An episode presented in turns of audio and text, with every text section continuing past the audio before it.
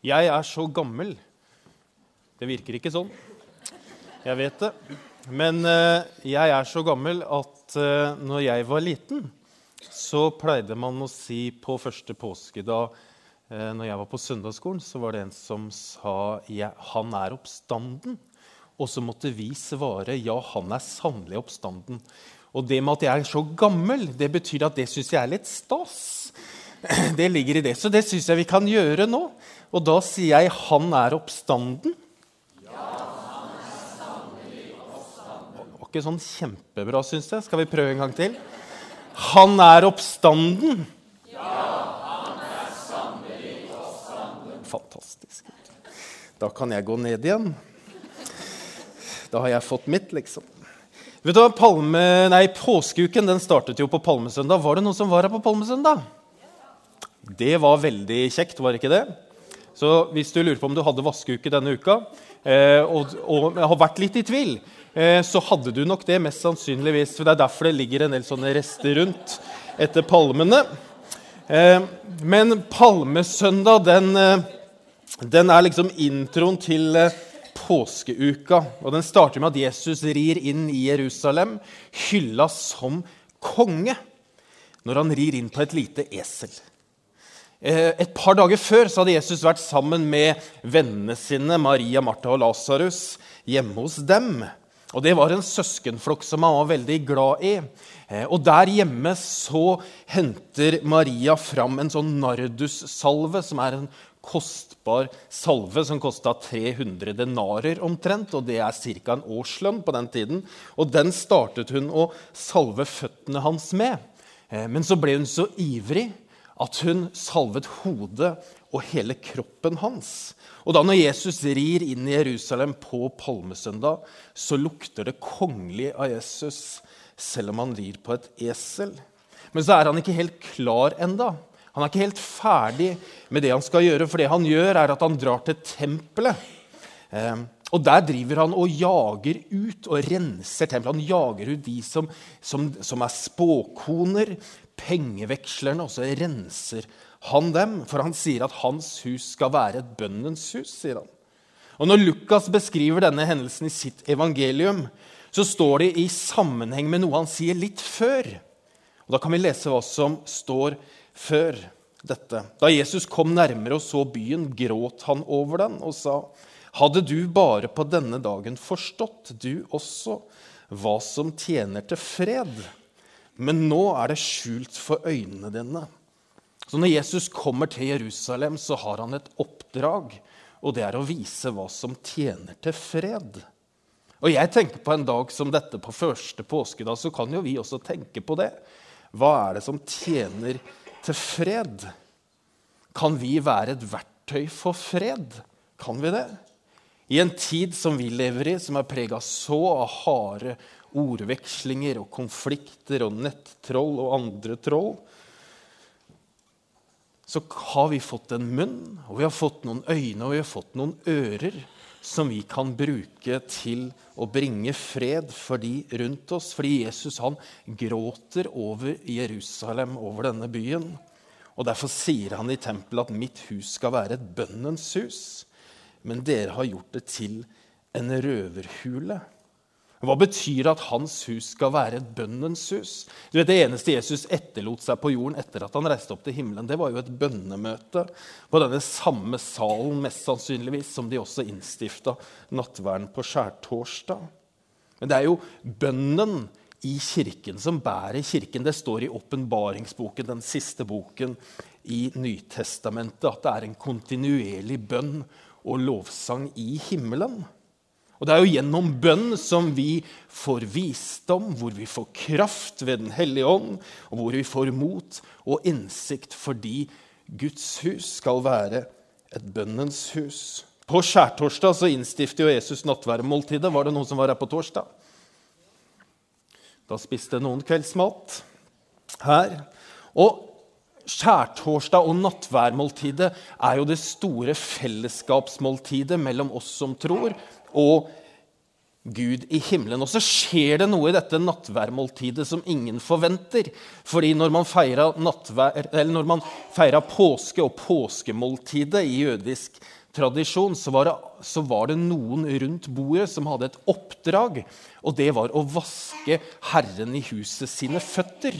Og det hadde ingen tenkt på når disiplene skulle eh, feire påskemåltid. Hvem ville gjøre det? liksom? Det ville jo egentlig ingen gjøre. Og det som skjer, det er at Jesus gjør det. Han tar dette vaskefatet, og så bøyer han seg ned. Han som er herre og konge. Og så vasker han disiplenes føtter. Altså, Jeg er kjent i forkant av denne uken her at jeg har et behov for at Jesus vasker mine føtter. Fordi jeg ønsker så inderlig å kjenne han bedre. Jeg ønsker så inderlig at han skal bli tydeligere for meg.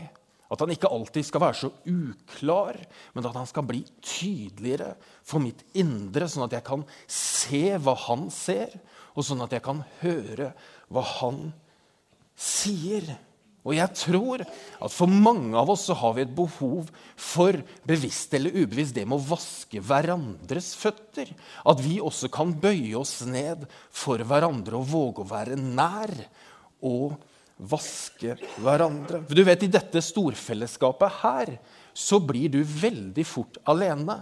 Og du kan jo kjenne på stor ensomhet å være i dette storfellesskapet her. Fordi det virker som alle kjenner Om ikke alle, men alle kjenner mange eller noen. Og så kjenner ikke du noen.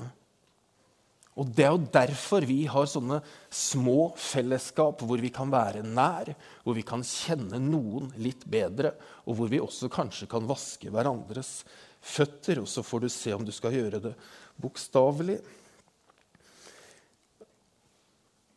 Altså vask... Ja, den Jeg skal skrive det om i manus. Om det å vaske hverandres føtter bokstavelig. Ja. Det er 1. april i dag. Har dere fått med dere, fått med dere det? Ja. Mm.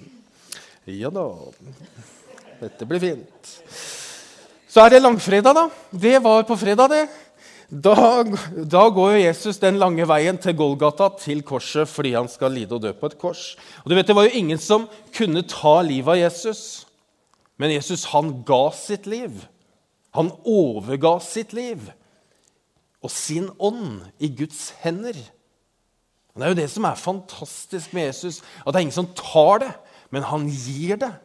Fordi han gir, og han gir det til oss. Hver eneste en av oss. Og så På denne dagen i dag så leser vi i kirker over hele verden dette bibelverset her. Tidlig om morgenen den første dagen i uken mens det ennå er mørkt, kommer Maria Magdalena til graven. Mens det ennå er mørkt, står det.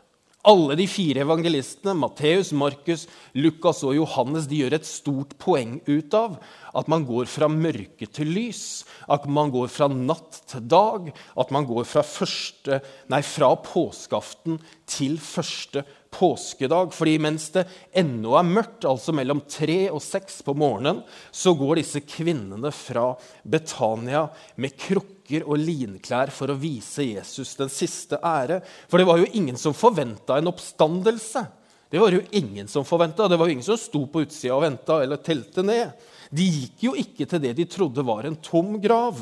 De trodde jo ikke det var mulig, men de gikk for å gjøre ferdig begravelsen hans. Og Det var jo en trist handling, selvfølgelig, men også en helt nødvendig en. Mest sannsynlig fordi i årene som fulgte, så ville det være flere som ville bli begravet i den samme graven til Jesus. Og for at det ikke skulle lukte, eh, og ja, så skulle de da gi han en ordentlig begravelse før da, om enda noen år, hvor de ville gi han en endelig begravelse på det endelige stedet hvor han skulle være, som var helt vanlig i jødisk kultur. Og jeg lurer på hva forventer du at Gud gjør i livet ditt? Når vi ser på den tomme graven, hva forventer du? Forventer du at Gud gjør med deg? Forventer du noe i det hele tatt? Eller hva forventer du? Hva ser du for deg at Gud ønsker å gjøre i livet ditt? Hva er det du forventer? Så er de på vei mot graven, men de har jo ett problem, minst. I hvert fall to. Og Det ene er at det er romersk vakthold, og så er graven stengt. Og jeg lurer på, Når de har gått til graven, om de har spurt hverandre hvem skal vi få liksom, til å åpne graven for oss så vi kan komme inn i graven. Hvem kan vi be om at velter denne steinen bort? Og så kan jo vi spørre om det finnes en som en gang vil åpne våre graver igjen. Vi kan spørre om de døde kan de bli levende igjen, faktisk. Kan det som nå er så mørkt, bli til lys igjen? Hvem kan gjøre det som er dødt, om til liv? Og så står det med ett ble det et kraftig jordskjelv, for en Herrens engel steg ned fra himmelen, gikk fram og rullet steinen til side og satte seg på den. Og er det dette øyeblikket her som Jesus står opp fra de døde? Er det nå det skjer, liksom? Så står det han var som et lyn å se til, og drakten var hvit som snø. Vaktene skalv av redsel da de så ham, og de ble liggende som døde. Men engelen tok til orde og sa til kvinnene.: Frykt ikke. Jeg vet at dere leter etter Jesus den korsfestede. Han er ikke her. Han er stått opp, slik som han sa. Kom og se stedet hvor han lå. Den dagen så var overskriften i avisen og på Facebook og på Instagram det var 'Han er ikke her'. Tenk om vi skulle sagt at 'han er ikke her'. Nei, nei, her er han ikke. Han er ikke her, han er ikke i smågruppene våre, han er ikke på gudstjeneste. Han er ikke her. Men det sier vi jo ikke. Men fordi han ikke var der, så er han jo her. Det er jo grunnen til at han ikke var der. Så er han her. Og han er jo alltid her. Han er jo alltid sammen med oss. Om vi føler det eller ei, om vi tenker på det eller ei, så er han alltid nær ved sin hellige ånd, til og med inn i døden. Når vi går inn i døden, så er han der. Fordi han ikke var der. Og så tenker jeg på en ting av at jeg tenker at, Tenk at det fins engler. Da. Har du tenkt på det? Tenk at av og til gjennom Bibelens tekster så åpenbarer det seg engler for menneskene. Tenk at Vi lever jo i en fysisk virkelighet hvor vi ser alt rundt oss sånn fysisk.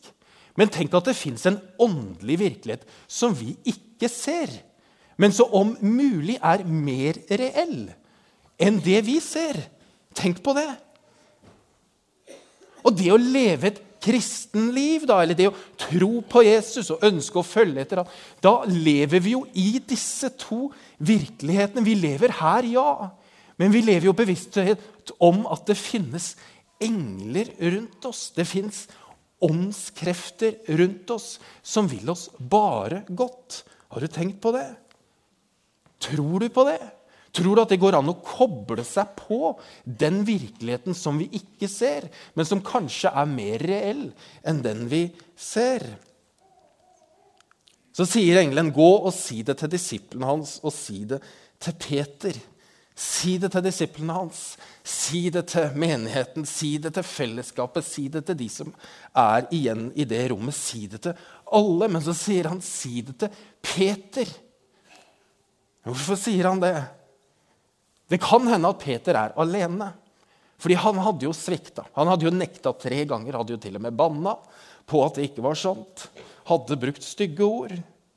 Og kanskje han ikke følte at han kunne være sammen med dem lenger. Han var liksom ikke god nok.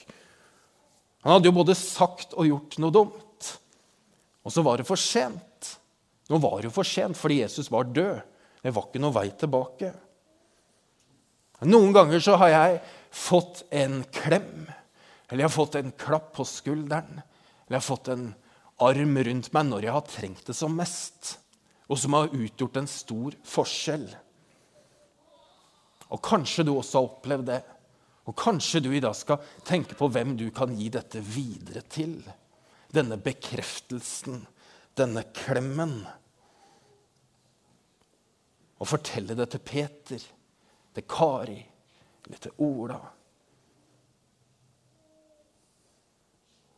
Kanskje du går gjennom en periode i livet ditt hvor det er mørkt som natten. Og De som har opplevd at det er mørkt som natten, da er det mørkt. Men så finnes det håp i mørket, fordi det går fra en påskeaften til en første påskedag. Det går fra natt til dag.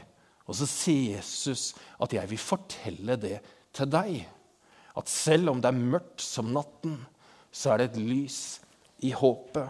Fordi jeg har overvunnet mørkets, dette mørkets makt. Jeg har overvunnet døden for deg. Selv om du, hvis du hadde vært den siste personen igjen på jorda, så ville jeg gjort det for deg likevel.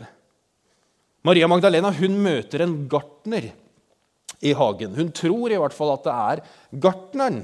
Og hun spør han, 'Herre, hvis du har tatt ham bort, så si meg hvor du har lagt ham, så jeg kan ta ham med meg.' Hun tror at han er gartneren eller kirkegårdsbestyreren eller Og så tenker jeg det er jo både feil, men også dypt riktig på samme tid. Hvorfor det? Jo, for han er jo ikke kirkegårdsarbeideren. Er, han er liksom ikke den type gartner. Men han er jo gartneren. Jesus. Det er jo han som får ting til å vokse. Det er jo han som luker litt. Det er jo han som gjødsler litt. Det er jo han som skaper nytt liv fra det som er dødt. Han er jo virkelig en gartner. Og så sier Jesus til henne, Maria. Og når man leser Bibelen, Det som er litt vanskelig når man leser Bibelen, det er at det er ikke tonefall i Bibelen. Har du lagt merke til det? Når du leser en bibeltekst, det er ikke tonefall. Eh, og jeg lurer på hvordan sa han dette navnet? Tror du han sa det litt sånn anklagende? Sånn 'Maria, liksom. Kjenner du meg liksom ikke?' Altså, hallo? Var det sånn han sa det?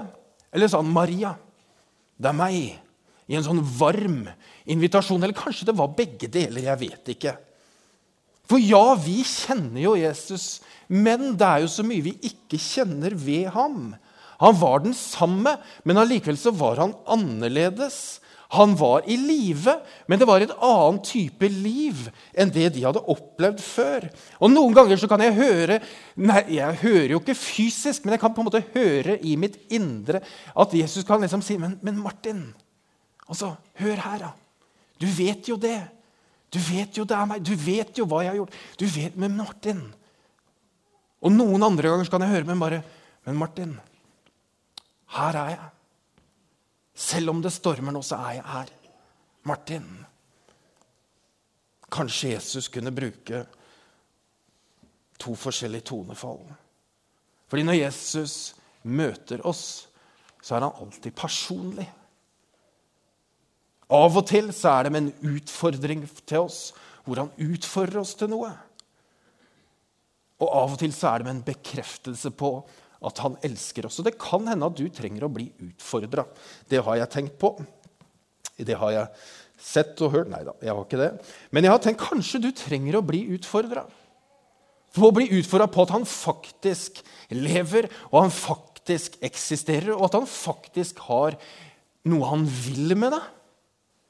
At det er ikke bare tanker fra deg selv. Det er ikke bare noe du liksom Ja, ja, det hørtes som gøy ut, det, liksom. Men at det faktisk er Gud som utfordrer deg til noe si. Men, men Martin, hør her. Har ikke jeg Vi har sagt det igjen og igjen. Hør her. Kanskje du skal. Du vet når Peter gikk på vannet Husker du historien om når Peter gikk på vannet? Jesus hadde gått på, gikk imot. Og Så satt Peter i båten og så lurte han på om han også skulle gå ut. Han visste jo ikke om det vannet bærte før han begynte å gå. Før han faktisk visste at Jesus var der. Det var jo det eneste han visste. Fordi det finnes en åndelig virkelighet som vi ikke ser, men som er like reell, og kanskje enda mer enn den vi ser. Og den virkeligheten, den taler til oss, dere gjennom Den hellige ånd. Og av og til så utfordrer den oss, og av og til så bekrefter den oss. Og så kan den gi oss innskytelser, den kan gi oss tanker, den kan gi oss ord, drømmer og ideer som vi kan gå på. Det er veldig sjelden at jeg sier nei til utfordringer. Jeg sier nei til mye rart. Det gjør jeg ikke mye rart, da. Men jeg sier nei til mange ting. Men når jeg får en utfordring som jeg tenker at kanskje dette er en mulighet for at Gud vil at jeg skal gjøre noe, så sier jeg alltid ja. Fordi jeg tror at Gud vil noe for oss. Han vil noe for mitt liv. Jeg tror han vil noe for ditt liv. Men vi trenger å si ja. Og, fordi, og når vi sier ja, så gir han oss den kraften vi trenger for å gjøre det. Og uten det så hadde jeg aldri stått her. Og så tenker jeg at kanskje du i dag trenger den varme hilsenen fra Jesus hvor han sier 'Maria'. Hvor han bekrefter deg, at han elsker deg, at han har stått opp fra de døde for deg.